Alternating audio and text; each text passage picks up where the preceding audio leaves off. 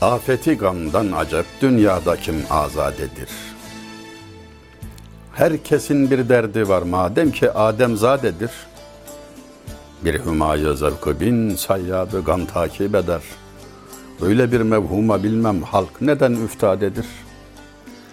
Eskilerin sıkça terennüm ettikleri bir kıtadır bu. Yine aruzlu tabii. Mana açık görünüyorsa da kısaca bir izah edelim. Gam afetinden acaba azade olan var mı bu dünyada? Yani gamdan kurtulan, azade kalan, gamsız olabilen var mı? Herkesin bir derdi var madem ki Adem zadedir. Değil mi ki insanoğludur? Değil mi ki Adem oğludur? Herkesin bir derdi var. Bir hüma zevkı bin sayyadı gam takip eder. Hüma kuş. Sayyat avcı. Yani zevk kuşunu takip eden bin avcı var peşinde. Olabilir ki yakınına düştün. Yani kafese aldın. Zor ya o kuşu, zevk kuşunu bin avcıdan biri olmazsa biri vuracak. Asla sana yar olmayacak. Demiyor mu şair? Dedim adet aşkı vururlar. Gam hakimdir. Yani dünya hayatının temel özelliği. Hüzün galiptir. Bu dünya böyle bir yer. Lezzet için, neşe için, saadet için. Yani tam saadet için dünya zaman bakımından da mekan bakımından da müsait değil. Zamanı çok dar, yetmez. Mekanı çok kısıtlı, yine yetmez ve sığmaz. Böyle bir mevhuma bilmem halk neden üftadedir. Mevhum, vehmedilen şey. Yani esas da yok. Halk neden üftaledir acaba? Neden düşkündür böyle bir şeye? Ne oluyor yani? Olmayacak bir şeyin peşine neden düşüyor insanlar diyerek taaccüp gösteriyor, şaşkınlığını ifade ediyor şair. La rahate fid dünya, dünyada rahat yoktur. Malum muhkem kaziye. Kesin hüküm yani muhkem kaziye. Efendim, İmam-ı Azam Ebu Hanife Hazretleri armatör idi. Yani uluslararası deniz ticareti yapan çok zengin bir zat idi. Talebelerinin masraflarını da kendisi karşılardı. Yani hiçbir dünya menfaati gözetmediği gibi ilim hizmetinden talebeleri de iaşesi, ibadeti kendi üzerine alarak yanına alır, onları yetiştirirdi. Bir acı haber geldi kendisine. Talebeleri çekine çekine söylediler. Hocam geminiz battı maalesef. Mallarıyla birlikte dolu vaziyette battı diyerek üzü, üzüntüyle ifade ettiler. Hazret gayet serin kanlı, yüzünde bir tebessüm, birkaç saniyelik düşünceden sonra elhamdülillah dedi. Ve soruyu soranlar şöyle düşündüler. İşte dünyaya değer vermemek böyle bir şey demek ki. Hiç üzülmediği gibi bir güzel haber, bir nimet gelmiş gibi de hamd etti, elhamdülillah dedi. Bir ders aldılar ve çekildiler. Buna şaşırmadılar pek. Ama kısa süre sonra haberin doğrusu geldi. İlk haberin yanlış olduğu anlaşıldı. Bu defa sevinçle müjde getiren bir eda ile efendim o haber yanlış imiş. Gemi geldi selametle. Şu kadar kar var. Yani batmadığı gibi şu kadar da kar var. Yani buradaki rakam değer, rakamsal değerler artık kim bilir nedir? Herhalde milyon dolarlarla ölçülecek şeylerden bahsediyoruz. Günümüze göre. Aynı eda ile, aynı şekilde düşünerek yüzdeki ifade yine aynı olmak üzere elhamdülillah deyince önceki düşünceye sahip olanlar bu defa tereddüte düştüler. Mecburen sordular. Efendim merakımızı mazur görün. Her iki haberde de bu kadar zıt, bu kadar farklı iki haberde aynı edayı göstermeniz ve aynı şekilde elhamdülillah demeniz bizi şaşırttı. Sormamıza müsaade var mı? Cevap şu oldu. Evlatlarım ben haberler geldiğinde kara zarara bakmadım. Her iki haberde de kalbimi kontrol ettim. Birinci haber gelişinde üzüntü yoktu ona hamd ettim. İkincide sevinç yoktu ona hamd ettim. Kavramamız gereken çok önemli bir değerden söz ediyorum sevgili izleyenlerimiz. Yani kazanmak ya da kaybetmek değil mesela. Dünya malının ele geçmemesi lazım. Kazanmamak lazım falan değil. Durum yanlış anlaşılmamalı. Bilakis.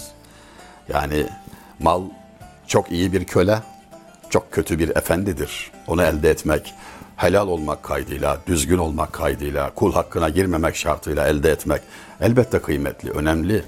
Mala hayır adı verildi Kur'an-ı Kerim'de ama sevgisini kalbe koymak batırır. Mesele o. Yani elde etse de etmese de onu sevmek kötüleniyor. Sevmek yanlış, kötü, zararlı. Fenni merhumun sıkça adından söz ettiğim şairimizin Fenniya bir işle uğraş talibi dünya gibi olmasın amma derununda hevayı maluca diyor. Yani diyor ki içinde mal ve makama dair sevgi, arzu olmasın da onu kazanmak için çalışırken seni görenler varsın çok düşkün mala bu da canım sanki sırtlanıp götürecek filan diye düşünsünler. Bunda zararı yok. Ama sevgisi kalbe girerse işte o batırır. Hazreti Mevlana'nın sözünü hatırlamanın yeridir. Der ki Hazreti Mevlana, dünya deniz gibidir. Sen gemi, üstünde gidip selamet sahiline çıkacaksın. Ama deniz geminin içine girerse, yani dünyanın sevgisi kalbine girerse batırır. Deniz altında olursa işini görür, içine girerse seni batırır. Mevlana demişken, Hazreti Mevlana'yı bu vesileyle yad etmişken, onun, onunla ilgili de bir hadiseyi aktarmama müsaade edin. Vezir Rükneddin, Alaaddin Keykubat zamanında başbakan mevkiinde devleti fiilen yöneten adam. Yani mesela daha önceki dönemin etkili vezir-i azamı Nizamül Mülk gibi ya da Osmanlı'daki Sokullu gibi son derece etkili, dirayetli yönetici Vezir Rükneddin.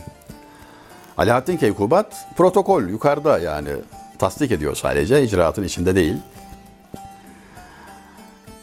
Osmanlı'nın kuruluşuna yaklaşık 20-25 yıl var. Selçuklu'nun son dönemi. Asitane, Der Saadet, onlar öyle demiyorlardı tabii. Yani devletin başkenti Konya. Vezir Rükneddin merhum Hazreti Mevlana'yı ziyarete gider. Dergaha gelir. Oğlu Bahattin Veled karşılar. Baba meşguldür. Sizi biraz bekleteceğiz efendim filan.